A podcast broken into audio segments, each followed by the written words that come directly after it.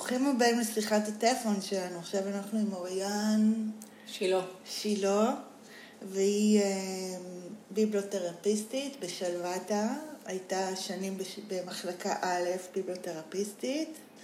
עכשיו היא מדריכה ביבלותרפיסטים אחרים, ומנהלת קבוצות עיתון ב... בשל... במחלקה א'. נכון. אה, יוצא לאור עיתון פעם בחודש. אה, ש... ש... נכון. ש... קוראים לו קירוב לבבות. אה, כבר אה, כמעט שנתיים. אנחנו עובדים כרגע לגיליון תשע. וזה איזשהו קונספט אה, יחד עם המטופלים, בלהוציא עיתון אחת לחודשיים-שלושה. ונוכל לדבר עליו בהמשך. נדבר עליו בהמשך, נתחיל מה... מהעבר שלך. היית מפיקה בטלוויזיה, הרצועה של אה, עוזי וייל, נכון. מה עוד? אה, מה עוד? עבדתי הרבה שנים, התחלתי בכלל עם אסי וגורי. אסי וגורי? אסי וגורי, כן. אה, במופע במה שלהם, הייתי המפיקה של המופע שלהם, מנהלת הפקה בפועל משהו כמו שלוש שנים, עד המופע האחרון. ראיתי את המופע שלהם מעל 300 פעם, פעם ידעתי אותו בעל פה, ואני עדיין יודעת חלקים מתוכו בעל פה.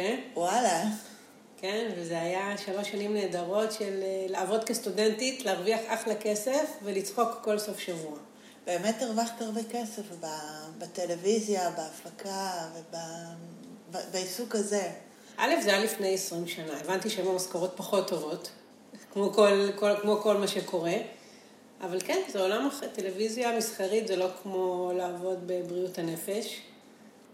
משרד הבריאות וזה גוף פחות עתיר תקציבים בהקשר הזה, כן, אבל אה, לא מתחרטת. לא מתחרטת. לא מתחרטת. למה? מה גרם לך בעצם לעשות את ההסבה הזאת פתאום? אה, א', זה לא נראה לי פתאום. אוקיי, נראה לי לא. בדיוק, לפעמים גם דברים מתבשלים בלי שאנחנו יודעים עליהם, לפעמים אנחנו יודעים פחות, לפעמים אנחנו יודעים יותר. אה, עבדתי בעצם, למדתי מדעי התנהגות ותקשורת, זה היה התואר הראשון שלי. ובהתחלה הלכתי יותר לגבול, לכיוון התקשורת. ככה החיים זרמו, הכרתי את הילה, זוגתו של גורי אלפי, שאז הם עוד היו חברים. ויום אחד הם התקשרו אליי ואמרו לי, תקשיבי, המנהלת הצגה שלנו עזבה, מעניין אותך? זה היה חיבור של הילה החברה. אמרתי, יאללה, מגניב. וככה התגלגל, פשוט ככה התגלגל. והיה לי מעניין והיה לי טוב, עברתי לטלוויזיה והפקתי יחד איתם עם משרד ההפקות שהיה אז מטאור את שידורי המהפכה. ואז עברתי באותו משרד הפקות לעבוד אצל אדיר מילר, בתוכנית שהייתה לו פעם. ואז עברתי לביפ, לרצועה, והיה לי הזכות הענקית לעבוד עם עוזי וייל, עם עוד סוללת כותבים ושחקנים נהדרים שהיו שם. נכון, נכון. מה שמאוד אהבתי בביפ, בזמנו שכבר אין, זה שהיה לנו שולחן פינג פונג. וואלה. יכולנו לשחק חופשי פינג פונג אה, בתוך ההכנות. איזה כיף. עוד משהו שהיה מאוד כיף באותה תקופה, שלפי דעתי אין את זה כבר היום, שעבדנו שלושה שבועות וקיבלנו שבוע חופש, ועבדנו שלושה חודשים וקיבלנו חודש חופש. הופה, לאללה. והכל בתשלום. יפה. אז אה, עבודה נחמדה, לא? כן, אז למה בעצם לעזוב? עזבתי? כן. כי הרגשתי ש, שזה היה נכון לאותה תקופה, אבל הרבה הרבה יותר מעניין אותי בני אדם. כאילו לא הרגשת סיפוק. אה, כן, הרגשתי ש... שוב, לאותה תקופה זה היה מאוד מאוד מדויק. מאוד מדויק ואני מאושרת על זה, אבל הספיק לי, עבדתי שם למעלה מעשר שנים.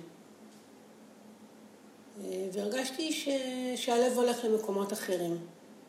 למשל, הרבה יותר עניין אותי אנשים שעבדתי איתם ומה עובר עליהם, ומה קורה איתם ומה שלומם.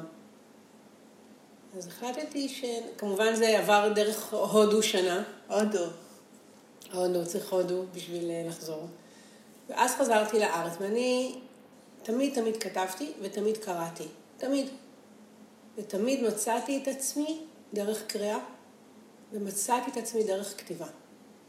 אני זוכרת שזה ממש היה תגובות מאוד מאוד חזקות לצלול לתוך עולם של ספר ולהיכנס שם לתוך העלילה. אני קוראת לזה, מבחינתי זה כרטיס טיסה, זה לא ספר.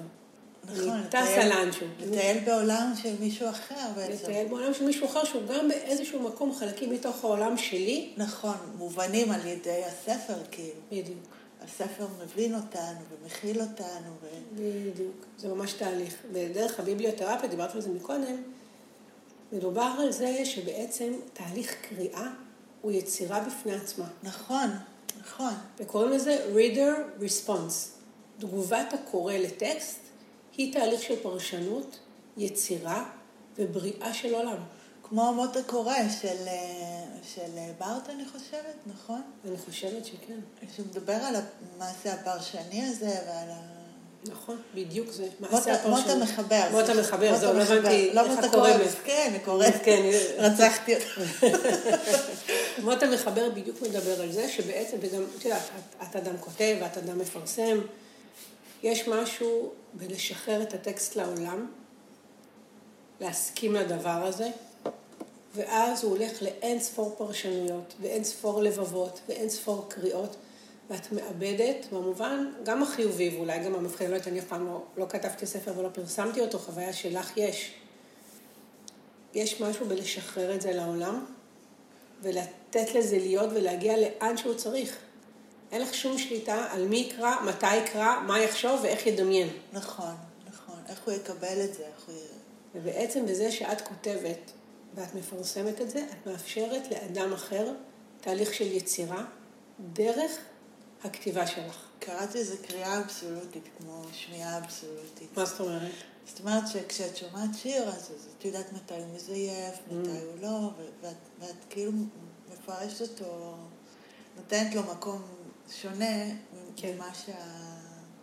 המשורר התכוון. מה שהמשורר כן. מתכוון, כן. בדיוק. קריאה אבסולוטית, אתה מתערבב בעולם נכון. של, ה... בדיוק. של המחבר. ו... נכון. ועכשיו כשאת אומרת את זה, זה מזכיר לי שתמיד בשיעורי ספרות בבית ספר שנורא נורא נורא אהבתי אותם, גם הייתה לי מורה נהדרת, תמיד יש את השאלה הזו שכולנו מכירים אותם, למה התכוון המשורר. נכון, נכון. למה התכוון לא הסופר? אף פעם לא יודעים למה הוא אז התכוון. בשיעורי ספרות, בדרך שבה אז לימדו אותי, הייתה לזה משמעות. ואני לא אומרת שאין לזה משמעות, אבל בתחום הטיפולי שאני עוסקת בו, למשמעות הזו יש חלק מאוד מאוד מסוים. וגם אנשים שמגיעים לקבוצת ביבליותרפיה במחלקה, וגם מטופלים אחרים שלי, ברגע שאנחנו מתחילים תהליכי כתיבה, או מתחילים תהליכי קריאה, מה שמשנה כרגע זה מה שעובר על הבן אדם. נכון. ואני מאמינה בתוכי שמשורר וסופר, יש בו את הכמיהה הזו. זאת אומרת, לא בהכרח שמי שקורא ומי שכותב יחשוב בדיוק כמוהו, אלא לאפשר לו לעבור איזשהו תהליך בדרכו, שמתחיל במפגש עם הטקסט שנכתב, אבל זה רק נקודת ההתחלה. כן, להגיע ללב שלו. איכשהו. נכון? וזה בעיניי, אני נורא אוהבת לשמוע משוררים וסופרים וציירים, ובכלל אנשים שעוסקים באומנות, על תהליך היצירה שלהם. כי זה תמיד מדהים אותי מה הם התכוונו ומה זה עשה לי. איזה הבדל, איזה פער יש ביניהם. כן, זה נכון. מה, הרבה פעמים זה משהו אחר, וזה מרתק אותי לשמוע על התהליך יצירה שלהם. הוא עולם קסום ונהדר בעיניי בפני עצמו, והוא נורא שלהם. נכון, כל אחד גם עם הרגלי הכתיבה שלו נכון. והטקסים שלו. ו... אצלי אני מסרוכית על הספה או על המיטה עם הקטשופ על הפיג'מה. ו... משם, משם זה נכתב? משם, מהמסרוכיות הזאת. ספר מסרוכי. מה, וגם לא עובר הריח. נכון. לעשות שלך עם הטקסט. נכון, נכון, זה החיבור ה... כן, את גם לא יודעת איזה מסרוכי הולך לקרוא את הספר. יש לי. בדודה יקרה, אהובה, אהובה, אהובה, שהמקום היחיד שאהוב עליה לקרוא ספרים זה באמבטיה. באמבטיה? באמבטיה. אבא היא- שלי בשירותים. וואלה, אוקיי. אז יש לי, הייתה לי חברה בתיכון שהיה להם ספרייה בשירותים. היה שני מדפים על הניאגרה. גדול. כן. אז בדודה שלי הבעיה היא שאי אפשר להשאיל ממנה ספרים. כן, כי זה רטובים. לא, לא, לא, זה- דווקא לא, אני מדברת על אה, על שאני האמבטיה. מקלחת, על זאת, על האמבטיה. כן. תמיד כשהיא קוראת איזה ספר, אומרת לי, ספר מעולה, את חייבת לקרוא אותו, אני תמיד שואלת אותה, את יכולה להשאיל לי? היא אומרת לי, אני צריכה לבדוק מה המצב שלו. נהדר. כן. ורציתי לשאול אותך על, ה... הרגעים ה... שהרגשת אה, שהטקסט מגיע ממש ללב של הרגעים של פריצת דרך כזה, עם מטופל דרך הטקסט, שאת זוכרת, כאילו, ש... שהרגשת שמשהו משתנה בו, שמשהו, הקסם הזה. הקסם הזה עובד עליו פתאום. אז אני אגיד, זה- אני אגיד על זה, ואני אגיד גם שאני הרבה פעמים נורא מתרגשת לראות סטודנטיות שאני מדריכה, חוות את רגעי הקסם האלה. זה רגעים מאוד מאוד מיוחדים, שהם בדרך כלל קורים בחוויה שלי דרך כתיבה יותר, אבל כתיבה הרבה פעמים יוצאת מקריאה. וגם את, לא פעם ולא פעמיים, לקחת טקסטים, אפילו שבוע שעבר, שיר, והופ, הפכת אותו למשהו אחר. זוכרת? אני לא זוכרת, תזכירי לי. זה שיר שהאבא של המטופלת שר, אה, שר לנו בקבוצה. איזה שיר זה היה? אולי של ביאליק? או... אה, רגע, רגע, בוא נזכר, זה היה אה, משהו עם ילדה. לא זוכרת, זה שיר מהמם. ולקחתי את הטקסט הזה, תכף נזכר בו אולי, ותוך, וישבתי איתו בשקט, והתחלתי למחוק משפטים. אוקיי. ולשנות משפטים. זהו, ומה... שובי אל ביתך אולי? תודה, בדיוק. נכון. כן. ערכתי את. השיר. ערכת את השיר, ומאותו רגע הוא כבר משהו אחר. וזה, ב- שם בעיניי הניצוץ. שם בעיניי הרגע הזה שבו את לוקחת את נעזרת בו, אבל זה כבר לא בניין שאת גרה בו, זה שלד שבתוכו את בונה בני... את, ה... את הבית שלך. נכון. בגלל זה אני גם נורא אוהבת שירים, כי ברמה הוורבלית בכל שיר יש בתים. ושיר הוא מבחינתי בית. הוא מקום. והקסם קורה שנעזרים בטקסט ומפליגים ממנו. כן, זה נכון. ויש עוד כל מיני דברים, יש נגיד מטופלת במחלקה לפני הרבה שנים, שבגלל כל התהליך הנפשי שעבר עליה, ובגלל הטיפול התרופתי שהיא קיבלה, היא לא הצליחה לקרוא. ומה שעשינו זה, היא ביקשה להתחיל לקרוא ביחד. והבאתי שני העתקים של אותו ספר שהיא בחרה, והתחלנו לקרוא אותו ביחד. זה התחיל בזה שפתחנו באותו עמוד, ממש כמו בסדר פסח, ואני הקראתי פסקה, ואז היא הקריאה פסקה. וזה נגמר בזה שהיא הצליחה לקרוא חלקים שלמים, פרקים שלמים, בין המפגשים שלנו. יפה. איזה יופי. כן. זה גם, זה לא רק אה, תהליך נפשי שטוב, זה גם מחדד לך את, ה, את האינטלקט, את, ה, את השכל, כאילו, ב, כשאתה כמעט אה, מת מוחית, כאילו. נכון. היו לי קטעים של, אה, רגעים של קטטוניה באשפוז הזה, והכרחתי את עצמי לקרוא את אה, סמי חיזר, שזו קריאה לא פשוטה. נכון. הרגשתי שהמוח שלי כאילו חוזר לעצמו לאט לאט. סוג של דופק אה, רגשי, נכון, מנטלי, נכון, נכון. לא רק לבבי, אינטלקטואלי גם. אינטלקטואלי. כי, כי כתיבה וקריאה זה יצירה. נכון. וליצור, יש בזה בריאה, ובריאה זה בריא. וגם במקומות הנפשיים הכי קשים של כל אחד מאיתנו, זה יכול להיות מאלף ואחת סיבות, זה לא חייב להיות בהכרח אשפוז. זה יכול להיות, כולנו חברים משברים, החיים זה לא דבר פשוט. נכון. ולא תמיד יש לנו את הריכוז ואת הפניות ליצור.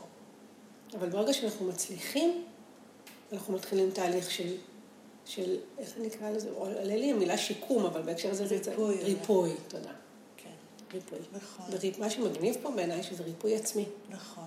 נכון. זה לא כדורים, ולא טיפול נפשי אפילו ממישהו מבחוץ, זה אדם עם שלקח עצמו. את עצמו בידיים ואוסף את עצמו. בדיוק. ולכתוב, אפרופו, זה זה. לקחת את עצמך בידיים ולאסוף את עצמך. נכון. כי פתאום כל המחשבות, כל הכאוס, כל הבלבול, כל החרדות, תהיות, פתאום מתכנסות לתוך מילה, לתוך משפט. וזה משהו שאפשר לקרוא, וזה משהו שאפשר לתאר, וזה משהו שאפשר דרכו גם להסביר את עצמי לעצמי וגם למישהו אחר. נכון. וזה קסם. לפעמים גם הלא מודע מדבר דרך המילים. נכון. ואתה, ואתה בדיעבד, כשאתה מסתכל על זה, אתה אומר, וואו, איך לא ראיתי ככה. את הדבר הזה. כאילו. אני המון פעמים, אחרי שאני קוראת משהו שכתבתי, אני שואלת את עצמי, מי כתב את זה? נכון. מי זה? קורה, זה קורה. נכון. וזה גם נקרא. את מכירה את השיר של יונה בוא לך תן לה מילים לעשות לך? בטח, שיר נהדר. אז אולי אני אקריא ואני אכניס את זה עכשיו. תן למילים לעשות בך. תן להם, היה חופשי. אלו תחסנה בך, תבואנה פנימה. עושי צורות על צורות. יחוללו בך אותה חוויה.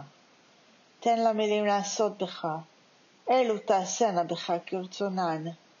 עושה צורות מחדש בדבר. תעשינה בדבר שלך אותו הדבר בדיוק. כי אין דבר אותו תעשינה. אבן תווים כאלו תחיין עליך אותה חוויה, ופירושה כטבע, כי אין טבע ולא המצאה, ולא גילוי כי כן טבע. תעשינה טבע דבר בך, כמו שתן מן חיים למילה, תן למילים לעשות בך. אה, רציתי לשאול על, אה, על, אה, על טקסטים בעיתון. כאילו, אוקיי. Okay. אז בואי טיפה, נראה לי אולי קצת נסביר יותר מה זה העיתון הזה. כן. כי לשתינו הוא נורא ברור, שתינו מאוד מושקעות בו. נכון. אני מאחלת לך לא להיות במחלקה, אבל שבמחלקה יש לך חלק מאוד משמעותי בעיתון. ותודה על זה. זה שוב אוקיי, הזדמנות להגיד תודה. נהנית. כתבת הרבה לעיתון, וכתבת טוב לעיתון, ומרגש לעיתון, ואני אני אתחיל עם זה שהרבה זמן היה לי חלום לעשות עיתון מחלקה. ואני כותבת על זה בגיליון הראשון, אפרופו, מקודם שאלת אותי בשיחה שעשינו לפני, אם יש לנו פה עיתונים, אז כתבתי על זה בעיתון הראשון, שנורא רציתי לעשות אותו, אבל זה היה נראה לי סיפור ומורכב, ומי שתף פעולה, ואנשים מתאשפזים והולכים, ובאים והולכים. ואיך אפשר ליצור את הדבר הזה בכלל. ו... אבל רציתי גם לעניין לעצמי. הייתי במחלקה מעל עשר שנים. הנחיתי קבוצות ביבליותרפיה מעל עשר שנים. אמרתי, וואלה, כאילו, אולי, אולי להעז. ואז אני זוכרת באחת מהקבוצות ביבליותרפיה, עצרתי רגע, נתתי לפה לדבר יותר מהר מהמחשבה וההיגיון. אמרתי להם, תקשיבו, יש לי חלום לעשות עיתון. מה אתם אומרים? עכשיו, היו, היה כל מיני דעות. היה כאלה שעפו על זה והתלהבו, ווואי, בואו נלך על זה, והם אפילו לא ידעו בדיוק על מה. מה זה אפילו, גם עכשיו עוד לא אמרנו מה זה העיתון הזה. ויש כאלה שאמרו, לא, ולא נצליח, וזה מורכב מדי, וזה לא ילך, ובשביל מה? שכל הקולות האלה היו גם הקולות שבי. זאת אומרת, הם ממש הוציאו החוצה את מגוון התהיות שהיו לי לגבי הדבר. אבל זה היה לי נורא מעניין, כי אלה שהתלהבו, נתנו לי כוח, ואלה שאמרו זה לא ילך, נתנו לי drive. וואלה. כן, אמרתי, פתאום אתגר שמה... כזה. מה? אתגר. אתגר. ש... כן. כי בדיוק כמו שאמרתי עם קריאה, ש... שאת קוראת משהו ואת אומרת מי, מי כתב את זה, אני אמרתי את זה, מי כתב, זאת אומרת, את מתחברת לחלקים שפתאום שלא ידעת שכתבת. וגם אני, דרך זה שהם אמרו זה לא ילך, שמעתי בחוץ את הקול הזה שבי, ולא הסכמתי לו. זה לא היה נשמע לי סיבה טובה מדי בשביל לא לנסות. מה, נוותר? ואז בעצם אמרנו, יאללה, עושים גיליון פיילוט. בוא נראה, כאילו בוא נראה מה זה הדבר הזה. ובחלום שלי, בעיתון הזה, אנשים כותבים על מה שהם רוצים. על ההתמודדות שלהם, על הכאב שלהם, על השמחה שלהם, על מה מחזק אותם, על מה מערער אותם, כי בעיניי היו לזה שתי, שתי חלקים חשובים. אחד, לכתוב. פשוט לכתוב את זה, אבל לא רק למגירה ולא רק לקבוצה, אלא שאנשים יוכלו לקרוא את זה. אפרופו הכתיבה שלך. את לא כותבת למגירה. נכון. את כותבת החוצה. יש לזה משמעות. לשתף את זה בעצם. בדיוק. לתת לזה, לצאת ממך, אבל לא רק לעצמך, אלא לאיזשהו קהל. וזה נותן עוד תוקף לדברים. נכון, נכון. זה אחד. שתיים, לחבר בין אנשים. גם בין המטופלים למטפלים, אני חושבת שזה מחבר. נכון. איכשהו פתאום רואים משהו יותר אנושי. נכון. כאילו... אז גם המטפלים כותבים בעיתון. נכון. פחות מהמטופלים, אבל גם הם כותבים בעיתון. נכון. אני תמיד כותבת בעיתון. נכון. וגם ברכה אחות, שעד לאחרונה הייתה גם, היא גם כתבה בעיתון. היא עכשיו כבר... אה, היא במחלקה אחרת. כן, כן חבל. מאוד, מאוד מאוד. ו... וזה, כן, וזה גם מחבר בין המטופלים למטופלים וגם בין המטפלים למטפלים. באמת? כן. אני אתן דוגמה. יש לנו קבוצת וואטסאפ של המטפלים, ובשעה 12 מתחיל ארוחת אוכל, הארוחה. ויש מטפלת מאוד בכירה במחלקה, שכל פעם בשעה 12 כותבת אוכל, סימן שאלה. וזה היה, את הצוות הסיעודי, זה היה מטריף, כאילו, מה קרה? מה קרה? עכשיו אוכל, כאילו, שנייה. ואז אה, אנחנו גם מראיינים, מטפלים במטופלים לעיתון, זה חלק מהעיתון. ובעיתון, וראיינו אותה, ושאלנו אותה, מה עוזר לך, בין השאר, שאת השאלות כתבו, כתבנו ב, בישיבה. נכון. ואז היא כתבה, שמה שעוזר לה... זה הפסקות. זה הפסקות. זה בשעה 12 לצאת ולהתאוורר ולחזור עם כוחות מחודשים. נכון, נכון. ואחת האחיות במחלקה אמרה לי, תקשיבי, זו פעם ראשונה שהבנתי את ה-12 הזה שלה, ומאז זה כבר לא מעצבן אותי. וואלה. כן. היא הבינה שהיא צריכה את זה כדי להתאוורר רגע. היא הבינה מה זה בשבילה. ועיתון, כמו כל עיתון, זה דבר שמחבר, זה דבר שעוזר בתקשורת בין אנשים. נכון. אני רואה מטופלים שנורא נורא גאים בפרסום. בפרסום. נכון. הם מסתובבים עם העיתון. שמו אותי, שמו אותי או לא שמו אותי. נכון. כאילו, שתמיד מחפשים את ה... נכון. נכון. והם גאים בזה ש... שמנהל המחלקה קורא אותם, נכון.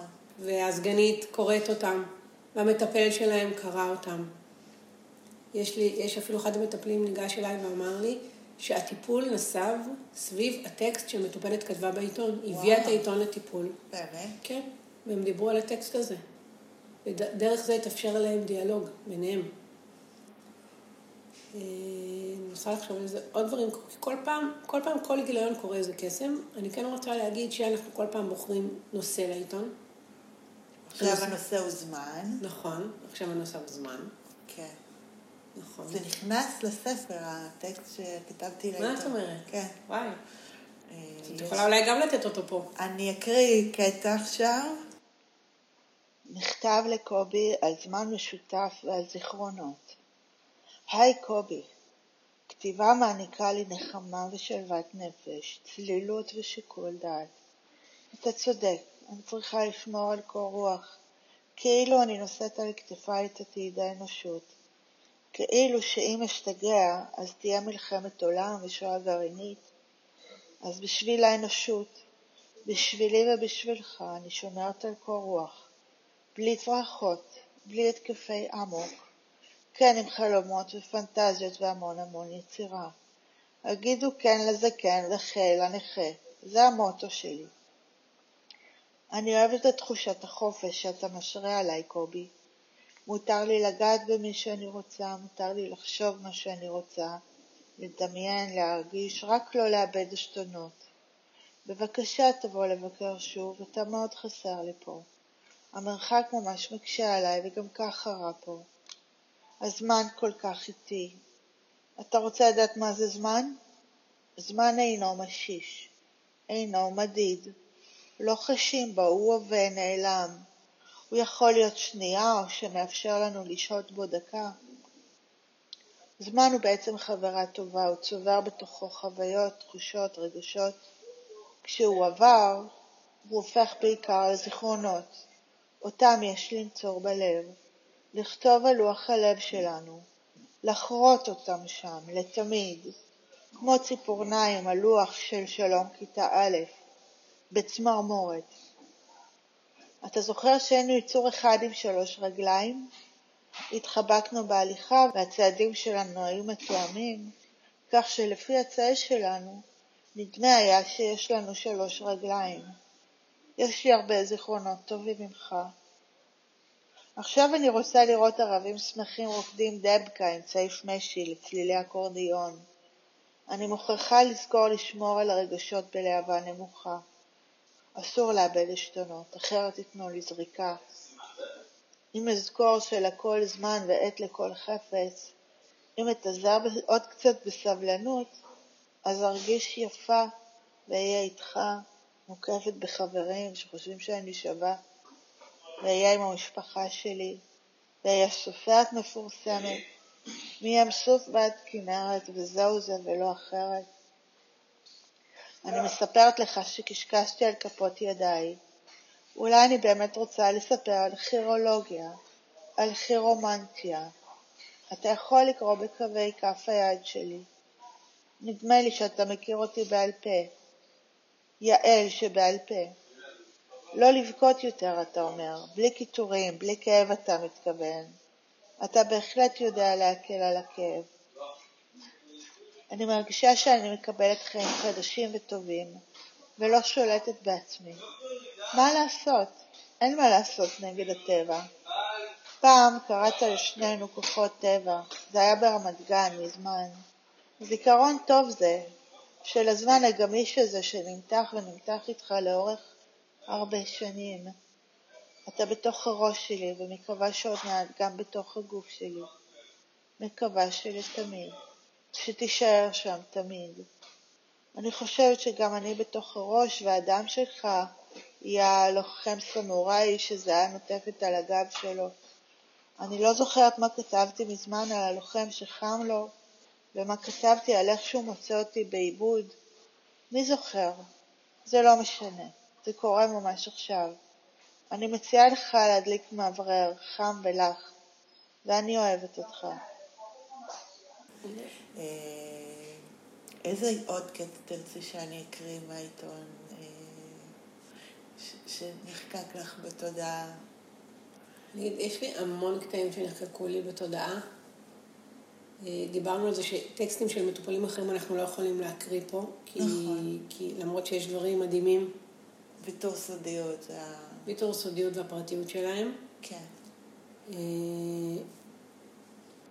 אני רוצה להגיד עלייך ככותבת, שבכל זאת יש המון, כל מי שרוצה יכול להשתתף בעיתון, ויש סקאלה מאוד רחבה של טקסטים, וכולם יכולים להיכנס.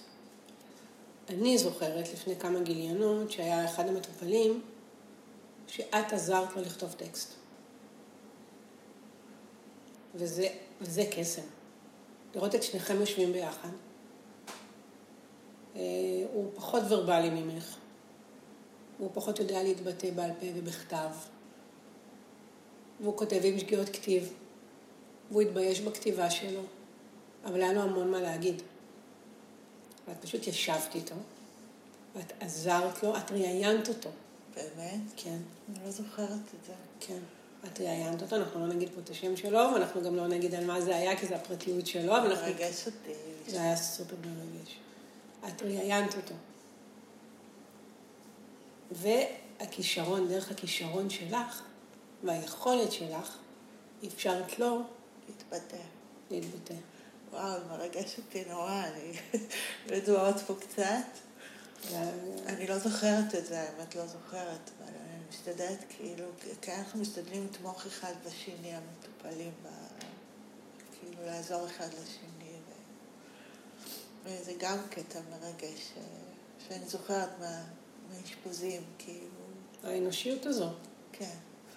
כאילו עם כל ה... זה שאנחנו בבלגן שלתוך עצמנו ומרוכזים בעצמנו, ב... בכאב. בכאב, בבלבול, ב... אז, אז יש, עדיין נשאר הגרעין האנושי הזה. את יודעת, עכשיו שאת מדברת על זה, אנחנו בין השאר בגיליון הקרוב, בנושא אמר בנושא זמן, אנחנו עשינו שם איזשהו שאלון, מה עוזר לי באשפוז להעביר את הזמן. ואחד המטופלים אמר שמה שעוזר לו באשפוז זה לעזור לאנשים אחרים. יפה. יפה. ויתומים. ויתומים. יתומים זו זריקה נוראית לידיעת ה... זה מרגיע אותו. זה מרגיע אותו. אז הוא אמר, יתומים ולעזור לאנשים. רציתי לשאול אותך, את קוראת את, ה, את ספר הביקורים שלי. נכון. כבר תקופה. נכון. אה, ויש שם, שם את המחלקה הכתובה, אני לא יודעת אם הגעת ל... ילדתי קשת. אולי ילד קשת. אולי ילד קשת. כן. ורציתי לשמוע, כאילו, איך את חווה את זה דרך הכתיבה, אותי דרך הכתיבה, ואיך את חווה אותי בלייב, כאילו. אה, אני אגיד לך מה, כתיבה של הספר או כתיבה בכלל? כתיבה של הספר. אוקיי. אה, בספר יש, שוב, אני קוראת, כמו שאמרת, אני קוראת אותו במנות. אני קוראת אותו במנות ואני אסביר למה. כי דיברנו על זה מקודם, על הקריאה שלי. ובקריאה שלי אני אוהבת להתרחק.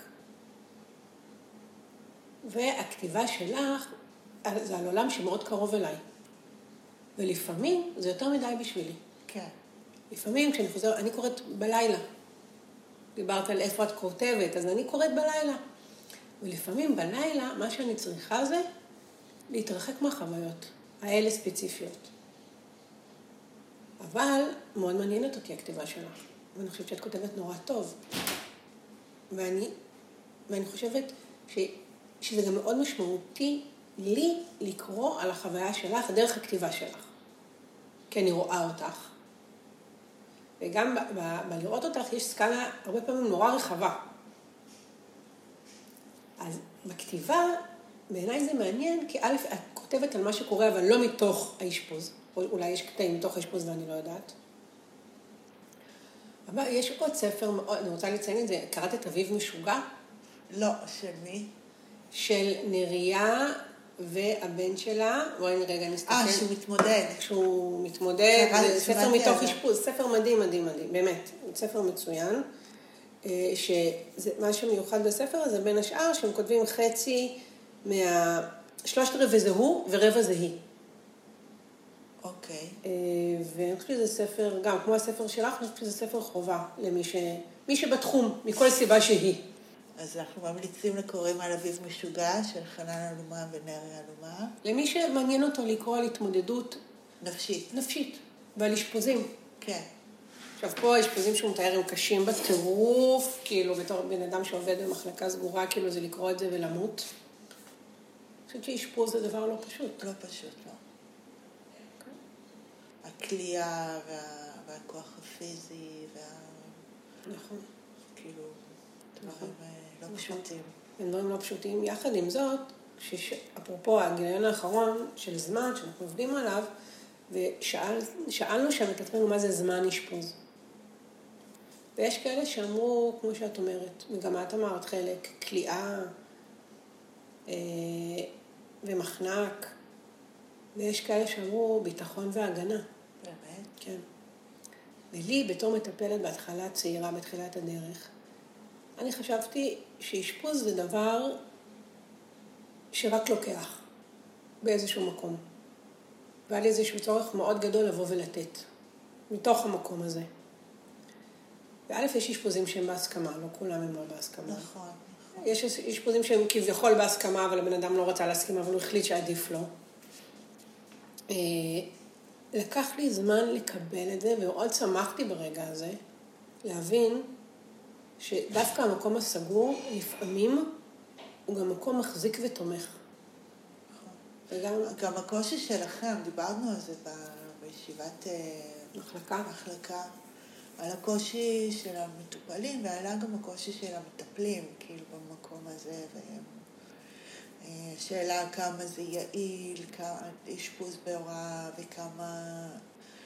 כי יש אנשים ששנים כבר תקועים בתוך המחלקה ולא... או שיש, אתה יודע, את המסתובבת שבאים ויוצאים, ויש נכון. עולות הרבה שאלות סביב, ה... סביב האשפוז הזה, כאילו, עד כמה הוא באמת תומך ועד כמה הוא מוסיף טראומות על טראומות, ויש הרבה, הרבה שאלות ש... שמעניין לגעת בהם, אבל נכון. כאילו עכשיו לא ניגע בהם, רק אה, הזכרנו. אני רק רוצה להגיד שבאופן כללי אשפוז זה חוויה לא פשוטה. לא גם כן פשוטה. אם בן אדם צריך להחליף ברך, נכון, וגם אם אישה יולדת, נכון. וגם כן אם יש ניתוח. זאת אומרת, זו חוויה שבה האדם חייב כרגע לקבל איזושהי עזרה ממקור חיצוני, בגלל איזושהי מצוקה שגורמת לו לכאב גדול. כן, הסיטואציה הזו היא סיטואציה קשה. נכון, נכון. ולתוכה נכנסים עוד כל מיני אלמנטים שהם כן אה, ייחודיים, אם זה למצב נפשי, ואם זה למצב הבריאות הנפש בארץ. אה, אבל... יש שיפור. יש, יש אה, שיפור? יש שיפור גדול, יש חשיבה יותר פתוחה, יש בתים מאזנים במימון נכון, הקופות. שזה נהדר. יש אה, טיפול ממוקד לאבחנות חדשות, שזה פוסט-טראומה מורכבת, יש, נכון. יש שינוי, שינוי לטובה, וגם, אני חייבת להגיד שהמטפלים בשלוות הם ברמה מאוד גבוהה. ו... אה, אז, אה, אז אני מקווה ש... שהספר הבא לא יהיה כזה מעיק. אני השתדלתי להכניס בהומור ואופטימיות, כי באמת הספר הראשון הוא קצת כבד, אה, מאוד אינטנסיבי. אבל יש לו מקום, הדס. יש לו מקום. יש לו מקום ויש לו חשיבות. וקריאה לא חייבת להיות רק אסקפיסטית ו- וקלילה. נכון. ויש לו, את נותנת את הקול שלך, ואת נותנת קול לעוד אנשים שעוברים דברים דומים ושונים. וזה שלי כרגע בלילה, אני צריכה משהו אחר, זה לא אומר שזה לא חשוב ומשמעותי, וגם לי הוא חשוב ומשמעותי. וכשבעבר, כשרק הכרנו, דרך האשפוז, הלכתי, והיה לי חשוב לקנות את הספר שלך, ואני גאה שיש לי אותו בבית, ואני ממליצה כן. עליו למטפלים אחרים, ויש לו משמעות, והוא בדיוק מה שהוא צריך להיות. מישהו חווה את הדחיסות הזו וצריך לקרוא אותה, ומישהו הולך לטפל בדחיסות הזו וצריך לקרוא את זה. יש שם עוד המון המון דברים, ויש בו גם עדיין הומור. נכון, ו... ויש שם עולם שלם שהוא חשוב ומשמעותי, ואני רוצה אה, ל... ל... ל... ל... לברך, לא יודעת, זה נשמע לי קצת, אה, לא יודעת, אה, לא מילה מגניבה בהקשר הזה, אבל לשמוח, אני שמחה בכתיבה שלך באשר היא. יש לה חשיבות ויש לה מקום, ותכתבי על מה שבא לך, ועל מה שאת צריכה. וזה יגיע למי שזה צריך להגיע. אני רוצה מאוד להודות לך, אוריאן, על השיחה הזו. קיבלתי ממנה המון, אה, המון, כאילו, את הצד שלך ואת ה... בכלל ריגש אותי, התרגשתי תוך כדי השיחה. תודה רבה. ש- שהצעת לי להתראיין. אני חושבת שאת גם בן אדם מאוד מיוחד אה, ומעניין, ולא סתם בחרתי לראיין אותך. תודה. ונגיד אה, ביי לכולם. ביי גם ממני. ביי. תודה, הדס.